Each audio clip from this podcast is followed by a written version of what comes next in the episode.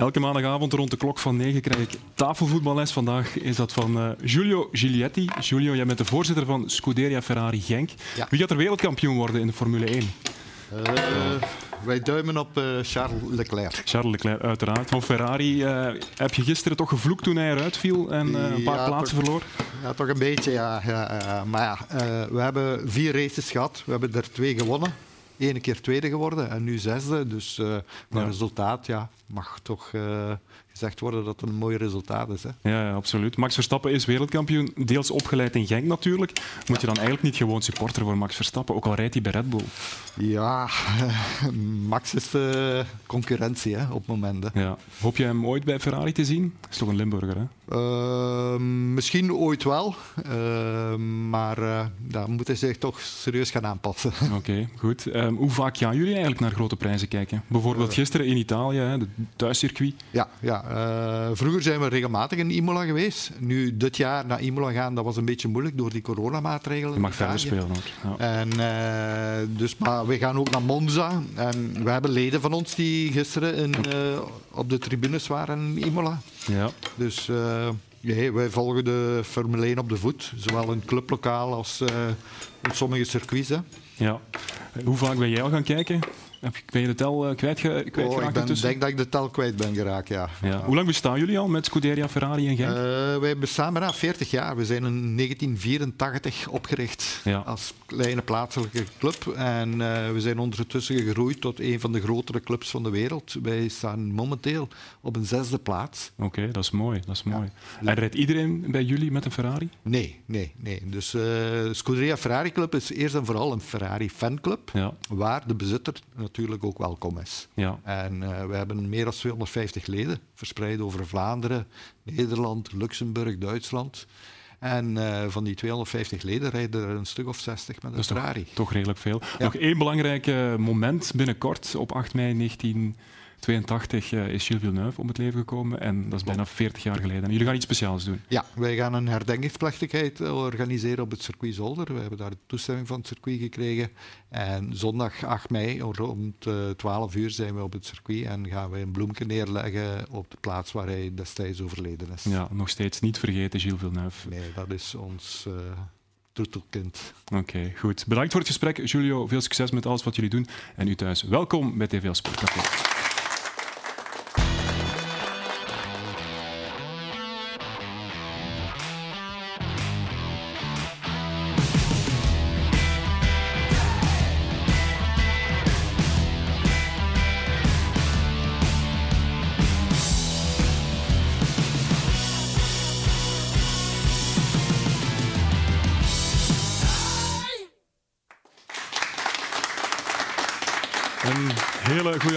Welkom bij TVL Sportcafé. Het is een geweldig mooie week geworden voor het Limburgse wielrennen in de Waalse Pijl in Luik, Bastenaken-Luik.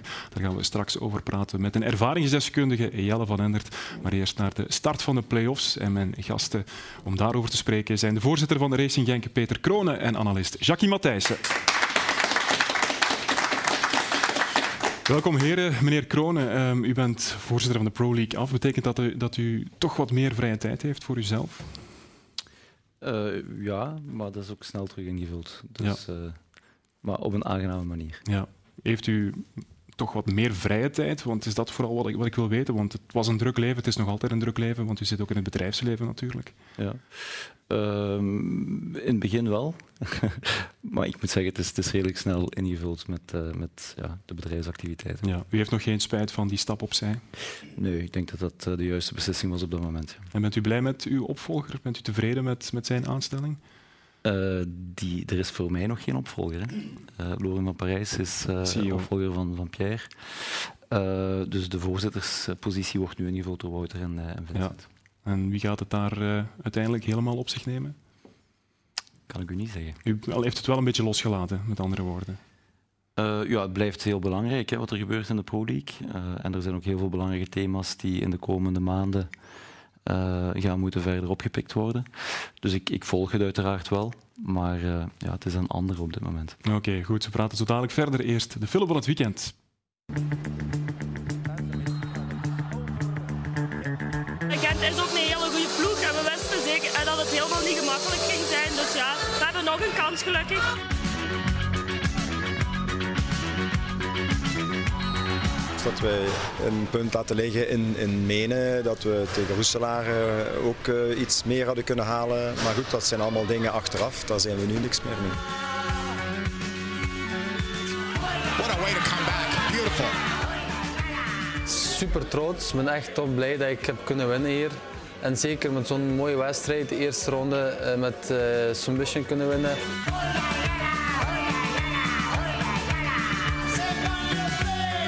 Gewoon aan het denken van houd Wout zijn wiel, houd Wout zijn. En ja, de, Wout hield ook redelijk goed de deur open en ja, ik had net dat gaatje en kon uit de wind komen uh, op het juiste moment. En ja, fantastisch.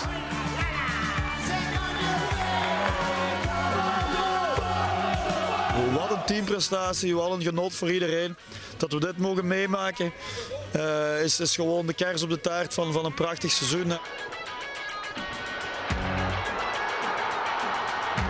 Ik ben heel blij dat de coach mij wat minuten heeft gegeven en dat ik de verschil heb kunnen maken. En voor de ploeg en uh, voor de meegereisde supporters natuurlijk. Dus ik ben heel blij.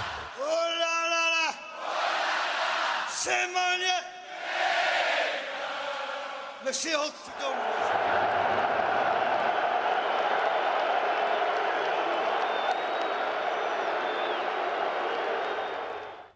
Ja, leuke montage en ook meteen een eerbetoon aan Arno uiteraard. Racing Genk is geopend met een overwinning. Vond u het een verdiende overwinning gisteren in de Gelamco Arena? Ja. Waarom wel, precies? Ja. ja. goed, we hebben denk ik ruimschoots de betere statistieken als je de wedstrijd uh, op dat vlak analyseert. Uh, goed, het was een heel stuk tegen tien man. Uh, maar ik denk dat ja, expected goals, kansen, uh, balbezit, dat was zeker voor ons.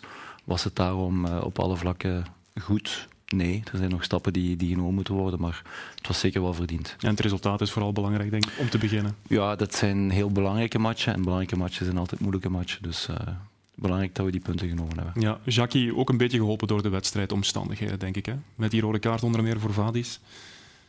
Ja, dat mag. Uh, dat mag je zeker zeggen. Um, maar langs de andere kant uh, moet je het uh, dan nog evenzeer doen. Ik kan me een aantal momenten herinneren dat we ook hier gesproken hebben van ja, Genk had eigenlijk meer verdiend, maar door die of die omstandigheden of fout. Soms hebben ze niet gekregen wat ze eigenlijk op het veld verdienden. En dat mag ook een keer langs de andere kant vallen. Het is, je kan Genk moeilijk verwijten dat, uh, ja, dat uh, een speler van Gent te ver gaat naar de scheidsrechter toe. Dat kan je hem toch niet verwijten. Nee, straks gaan we het thema van de jeugd nog aansnijden, maar even over Andras Genemet. Dat is ook fijn dat hij als supersub dat doelpunt maakt, denk ik. Ja, absoluut. Anders is een van de eerste jeugdcontracten die ik, die ik getekend heb als voorzitter. Dus al een tijdje geleden. Um, en ja, het is een jongen met heel veel, heel veel potentieel. Um, die heel goed positie kiest voor de goal, bewijst dat nu opnieuw. Dus ja, dat is mooi. Daar zijn we heel blij mee. Oké, okay, goed. Kan een Europees ticket jullie seizoen redden?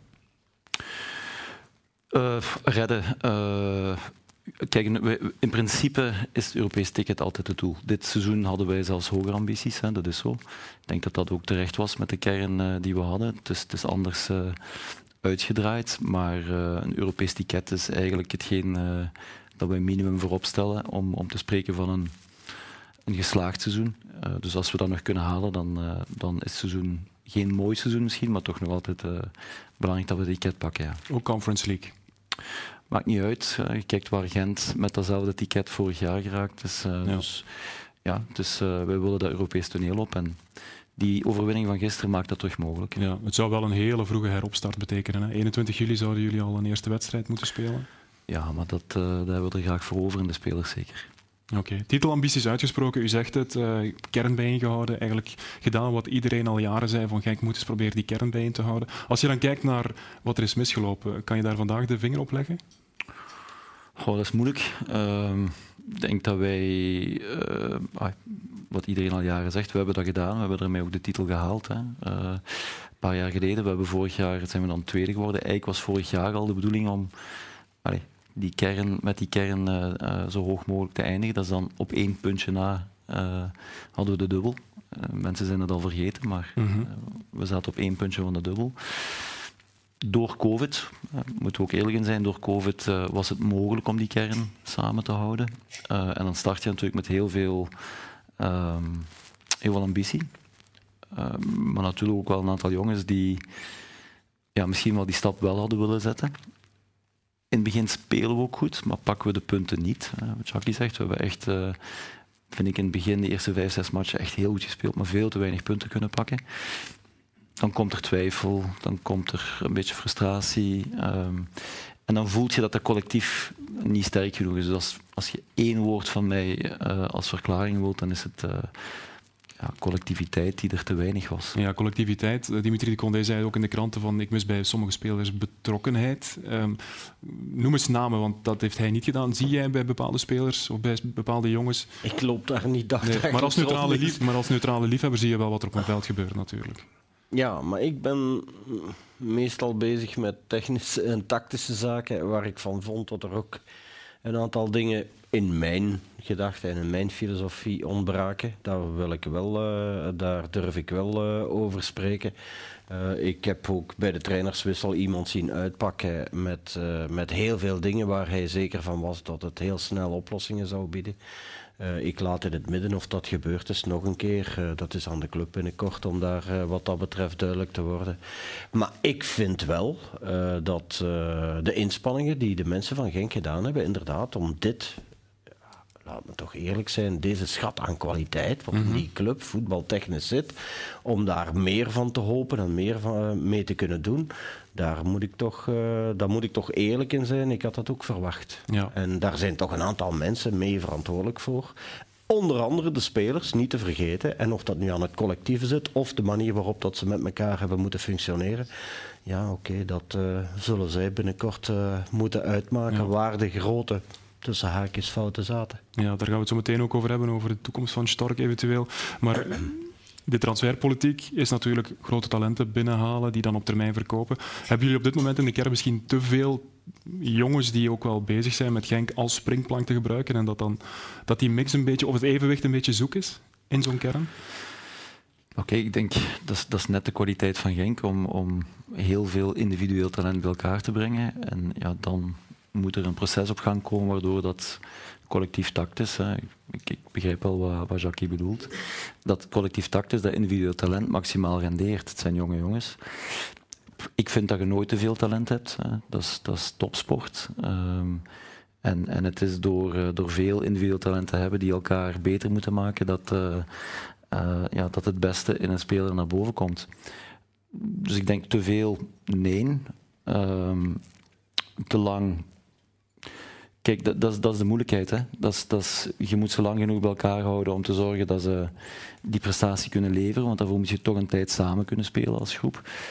En als het net iets te lang is, ja, dan heb je het risico dat een aantal jongens uh, te snel met hun gedachten elders zijn. En dan moet je die, ja, die beginfase is heel belangrijk. En daar hebben we iets te veel punten laten liggen te snel, waardoor dat er Waardoor dat we dat momentum was zijn kwijtgeraakt en zijn we op zoek gegaan. En we hebben dat tactisch niet kunnen corrigeren, we hebben dat collectief niet kunnen corrigeren. Maar ik vind dat je als club altijd moet proberen om maximaal uh, veel talent te hebben.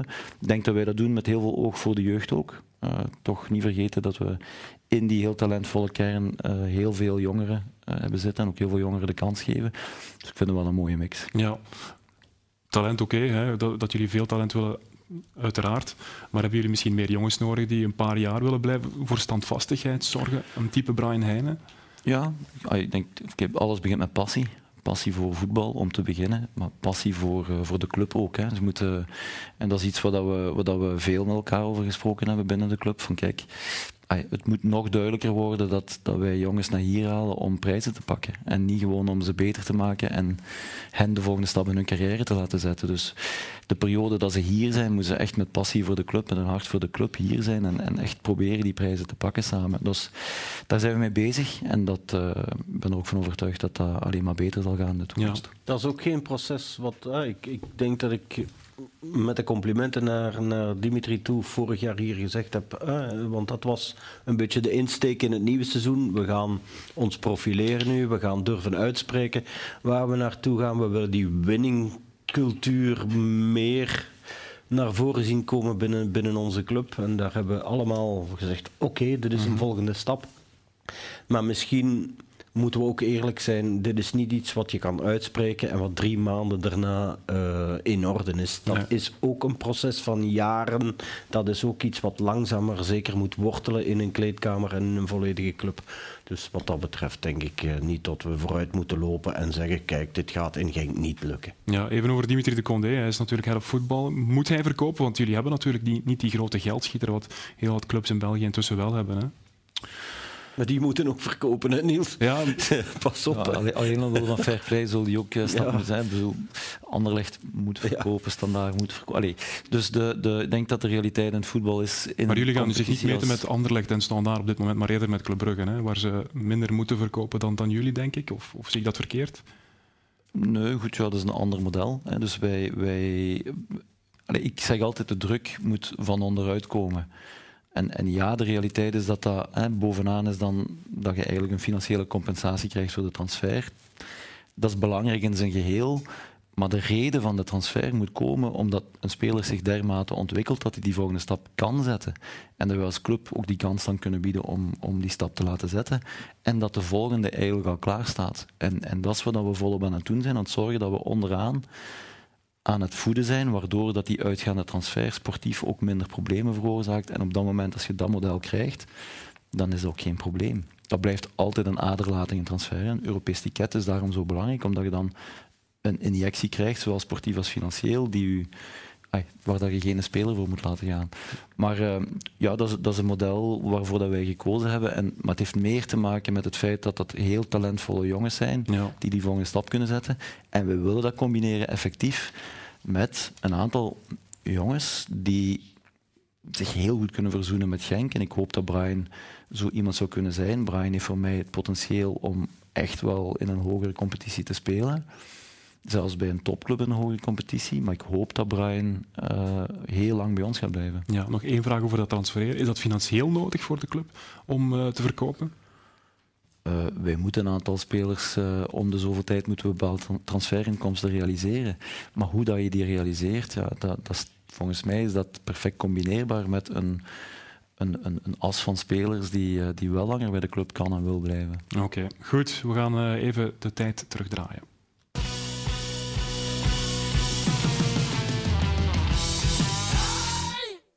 Want Playoff 2 kan ook helend werken. Playoff 2 kan ook helend werken. Vraag het maar aan Frank Verkouteren. In 2009 nam hij over van Hein van Hazenbroek bij Racing Genk. En in Playoff 2 werd de basis gelegd voor de titel een jaar later. Tijd voor het moment van Thomas Buffel.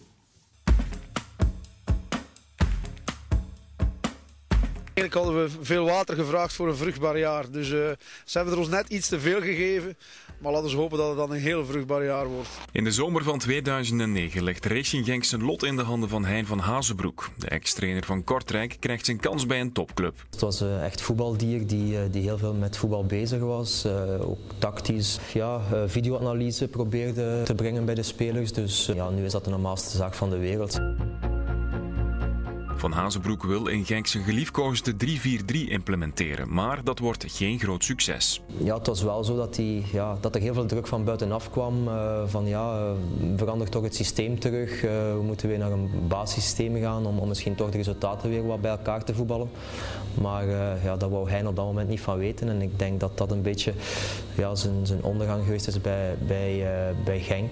Uiteindelijk wordt Van Hazenbroek bedankt voor bewezen diensten. Zijn opvolger is Frank Verkouteren.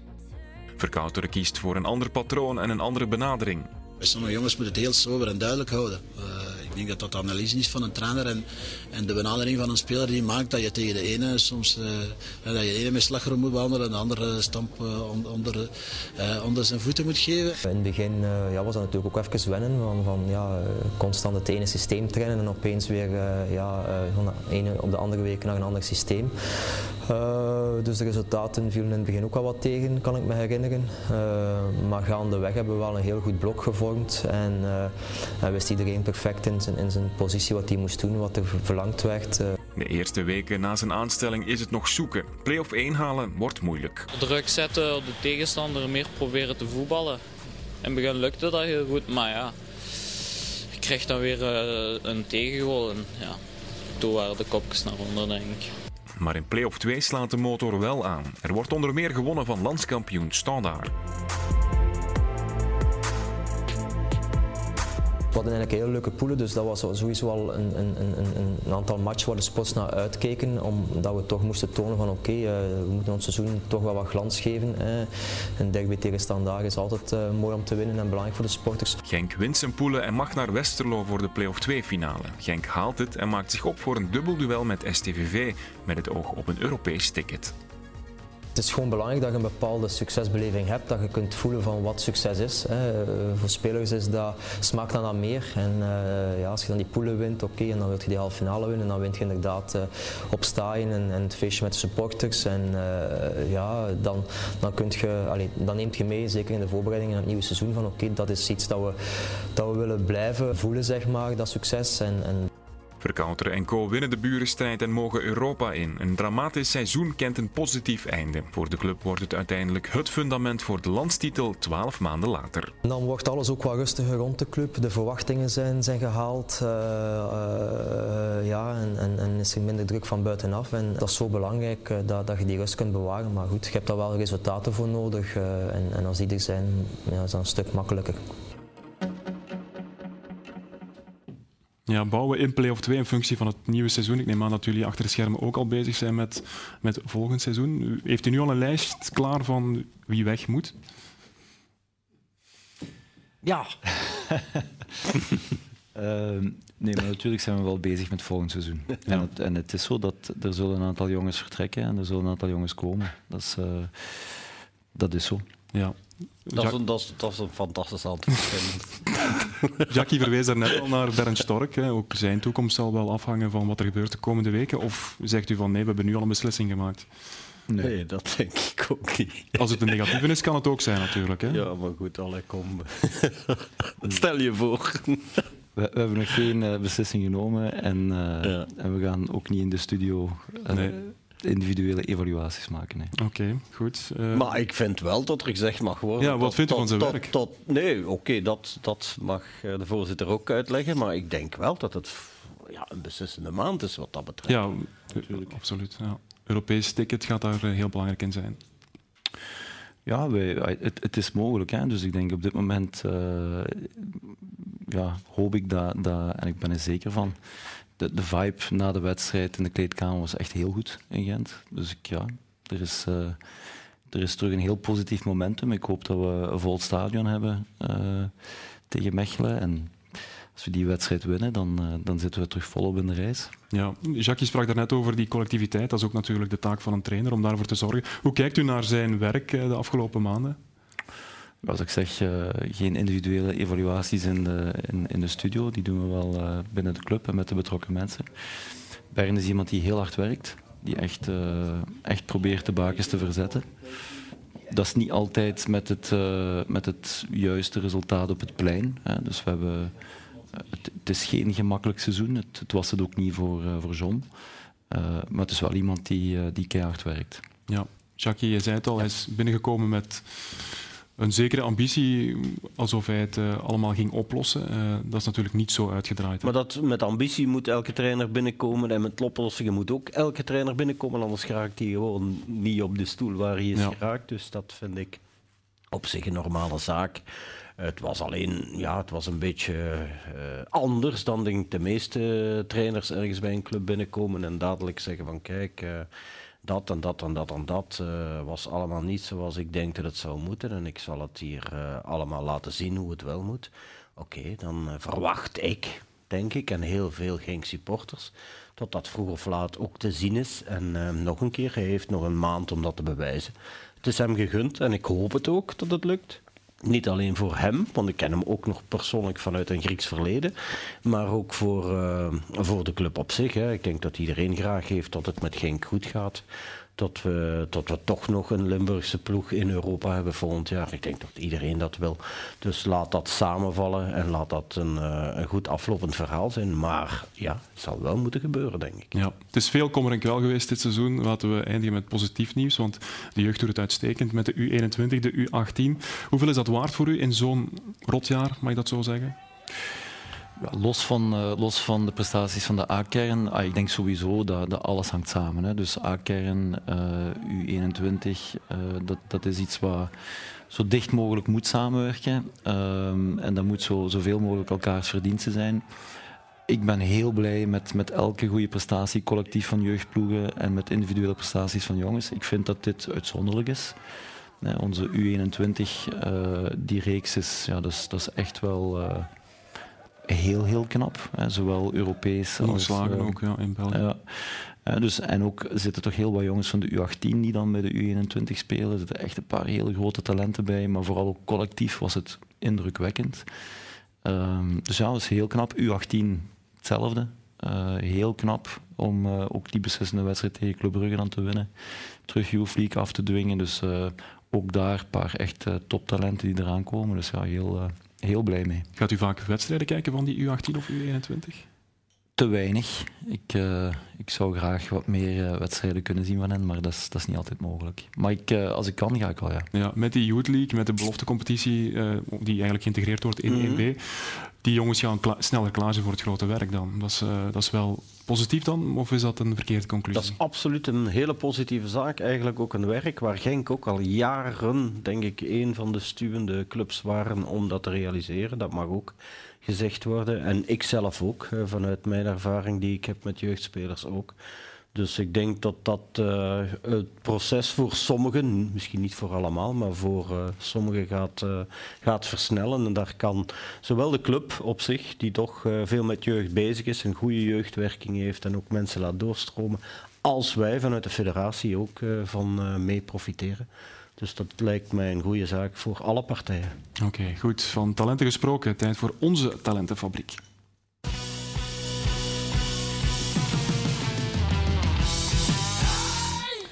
In de dribbelkoning junior is Daan van Driessen van STVV nog steeds de leider. Vandaag wordt hij uitgedaagd door een spelertje van Koninklijke Wavo VV. Die luistert naar de naam Jarno Rijken.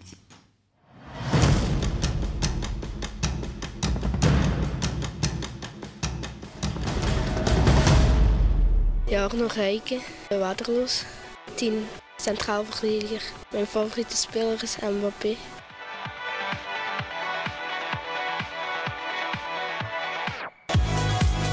Jarno is vertrokken. Geen contact. Foutloze start. De kegels.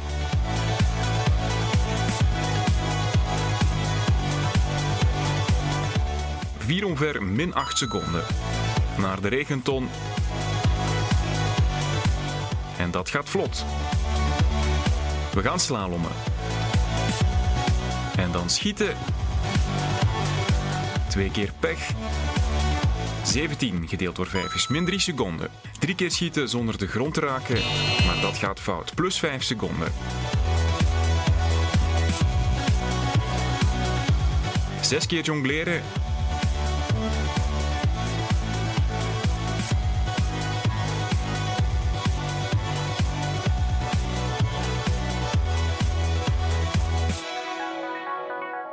Doet dat in twee pogingen. Nog één schietopdracht, maar geen bonus. Na de poort finishen.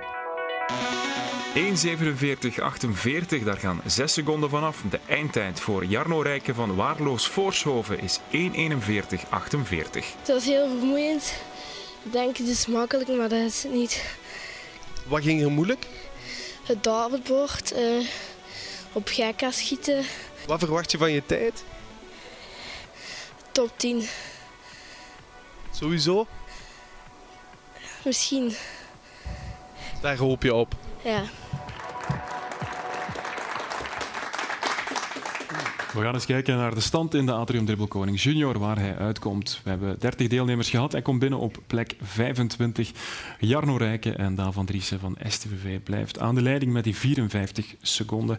Nog vier deelnemers komen aan bod en dan is het nu tijd voor dit. Goed, goed, goed, goed, goed, goed. Hé, hé, hé, tweede, tweede, tweede. Jongen, jongen, jongen. Jongen, tweede, leuk. Maar jong toch! Allee! Hela! Ongelooflijk! Quinten! Allee, jong! Ah, jongens, toch, dat is goed, Quinten. Ja, geweldige beelden. Valerio Piva en Hilaire van der Schuren na die tweede plaats van uh, Quinten Hermans gisteren in Luik, Bastenaken, Luik. En intussen zit er ook een nieuwe gast aan onze tafel. Graag een applaus voor Jelle van Endert. Ja, Jelle, ze hebben tegenwoordig allemaal zo'n GoPro in de, in de wagen hangen. Hè? En het levert geweldige beelden op. Hè? Ja, zeker. Ik denk dat het wel uh, goed is voor de koers om het ook eens aan de andere kant te zien. Ja, Quinten Hermans, was jij verbaasd door wat hij daar deed gisteren in Luik? Ja, omdat hij was de week voor uh, de Waalse Pijl was hij ziek. En in de Waalse Pijl vond ik hem ook niet echt uh, goed presteren, nog niet. Maar blijkbaar had hij die koers nodig om terug een beetje ritme op te doen. En dan er een luik toch te staan. Heb je genoten van de koers gisteren? Want het was uh, een totaalpakket. Remco Evenepoel die, die daar wegreed op 30 kilometer van de meet. Ja, ik vond het jammer die grote valpartij, omdat daar ja. toch wel wat favorieten denk ik um, veel krachten verspeeld hebben. Of uh, ja, het was einde koers zelfs. Maar wat Remco heeft laten zien, dat is uh, ja, lang geleden dat we dat nog gezien hebben. Ja, absoluut. Uh, meneer Kronen, u bent zelf ook een fietsfanaat. U fietst zelf ook heel veel, zie ik vaak op Strava. Um, u, zit, u, zit, in het wielrennen, u moet ook genoten hebben gisteren. Ja, dat is uitzonderlijk. Hè? Want, uh, ik denk dat weinig mensen dachten dat hij het ging volhouden.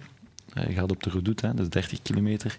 Dan zit die Roche Faucon er nog tussen. Dat is, en de acht, allee, alle achtervolgende ploegen die waren minstens per twee. Dus ja, niemand... Allee, ik weet niet wat jij dacht, Jelle, maar denk dat niemand echt dacht dat hij dat zou kunnen volhouden. Hij had ook nog die Noordoostenwind, de Beaufort. Dat was echt heel, heel sterke prestatie, denk ik. U, u, bent heel goed op de hoogte voor een voorzitter te zijn van een club die om vier uur voetbalde gisteren namiddag. Ja, toch een beetje gekeken zo. een beetje gevolgd en dan achteraf natuurlijk al. Uh, ja. Okay. Ah, dit was wel mooi. Ja. Uitzonderlijk. Quinten Hermans, uh, we kennen hem natuurlijk uit het veld, uh, maar hij kan ook bergop rijden. Dat heeft hij al een paar keer laten zien, onder meer in de Dauphiné.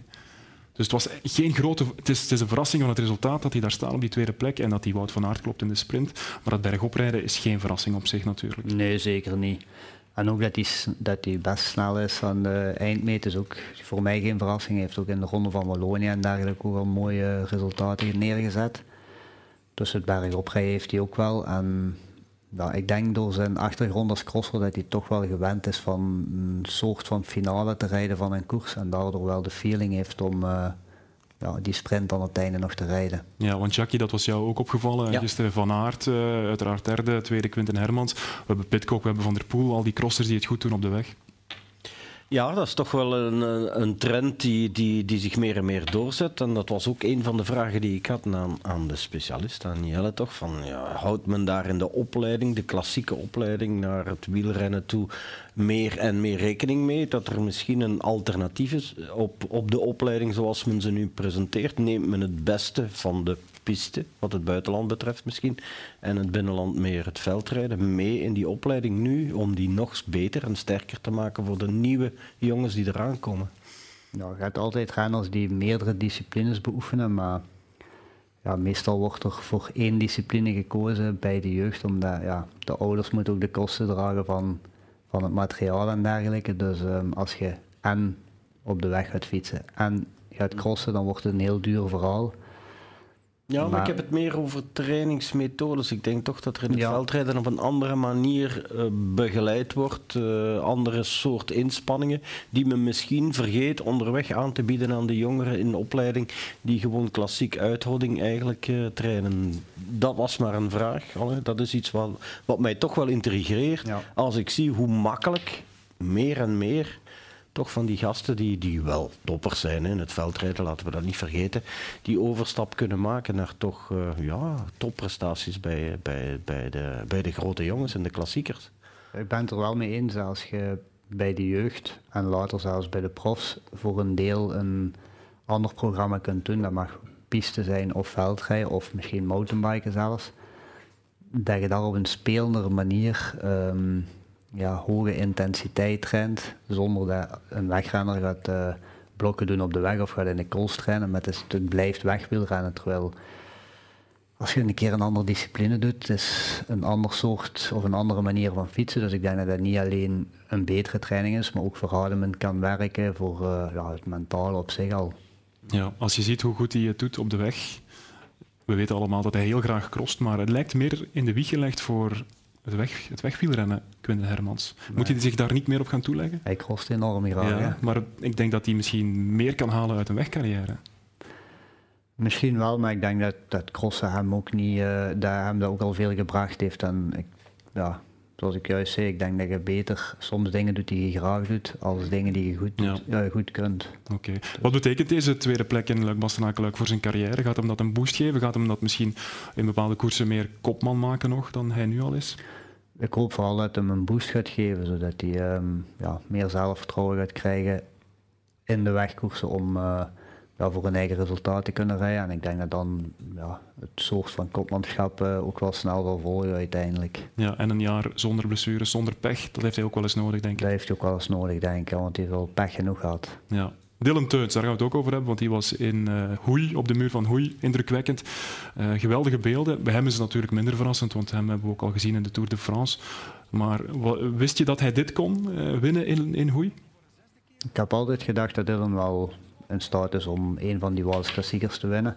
Hij was ook al als derde geweest in de Waalse Pijl een aantal jaren geleden. Dus um, ja, Dylan heeft alles in zich om grote klassiekers te winnen ook, ja. Ja, we mogen niet te veel supporteren als journalist, maar het is een geweldige kerel om naar te kijken. Hij is authentiek, eh, meneer Kronen. Het is een, ja, het is een publiekslieveling aan het worden, hè, denk ik. Niet alleen voor Limburg, maar voor heel België. Dat is een hele mooie coureur. Hè. Het is echt een uh, ja. fijne, fijne man. Uh, ja, hele, hele, een aanwinst voor het peloton. Ja, ook gisteren leek hij sterk. Um, zat er meer in dan die zesde plek? Ik denk het wel. Maar hij maakt de tactische beslissing om niet mee te gaan met Remco, waar ik hem ook wel uh, volledig in volg. Zoals we juist zeiden, waren van, van zijn eigen ploeg had hij nog twee of drie ploegmaten. En dan van de andere ploeg waren er ook nog uh, genoeg jongens om op kop te rijden. En het geldt met Remco op zijn minst zo klein mogelijk te houden.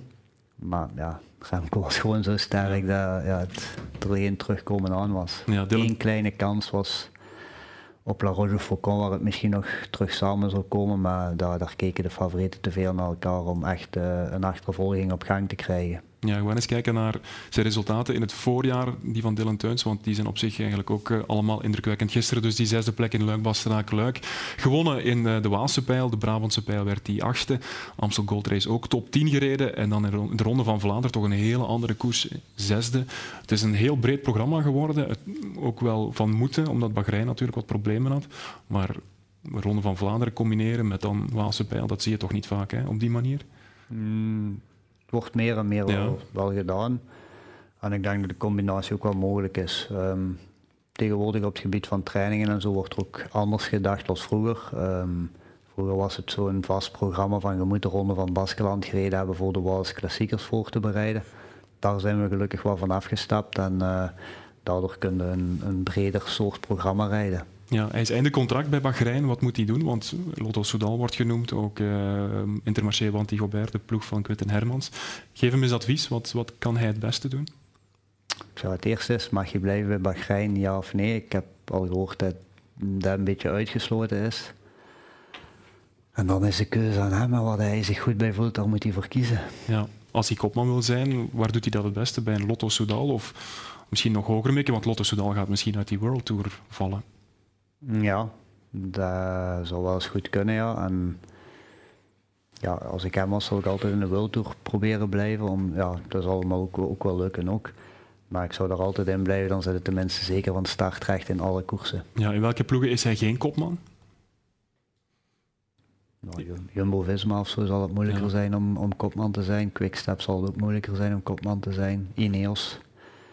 Ja, maar Dylan is iemand die op die kan wel medekopman zijn in, in bepaalde koersen. Dus ik zou voor, als ik in zijn plaats was, zou ik altijd voor een van de sterkste, sterkere blokken kiezen. Dan heb je meerdere ijzers in het vuur waarvan hij misschien wel kan profiteren. Ja, Lotto Soudal, jouw ex-team, jouw ex-ploeg, heeft het moeilijk. Tim Wellens gisteren uh, 86ste, denk ik, 23ste in Hoei.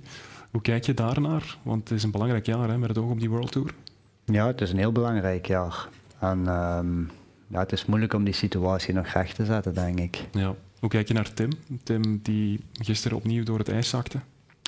Ja, ik denk dat Tim ook eh, bij die valpartij eh, betrokken was en daardoor wel veel kracht heeft verspeeld om nog terug te komen, denk ik, als hij al is teruggekomen. Maar op zich vind ik Tim niet, niet slecht koers. Ik vond hem in de Amstel goed.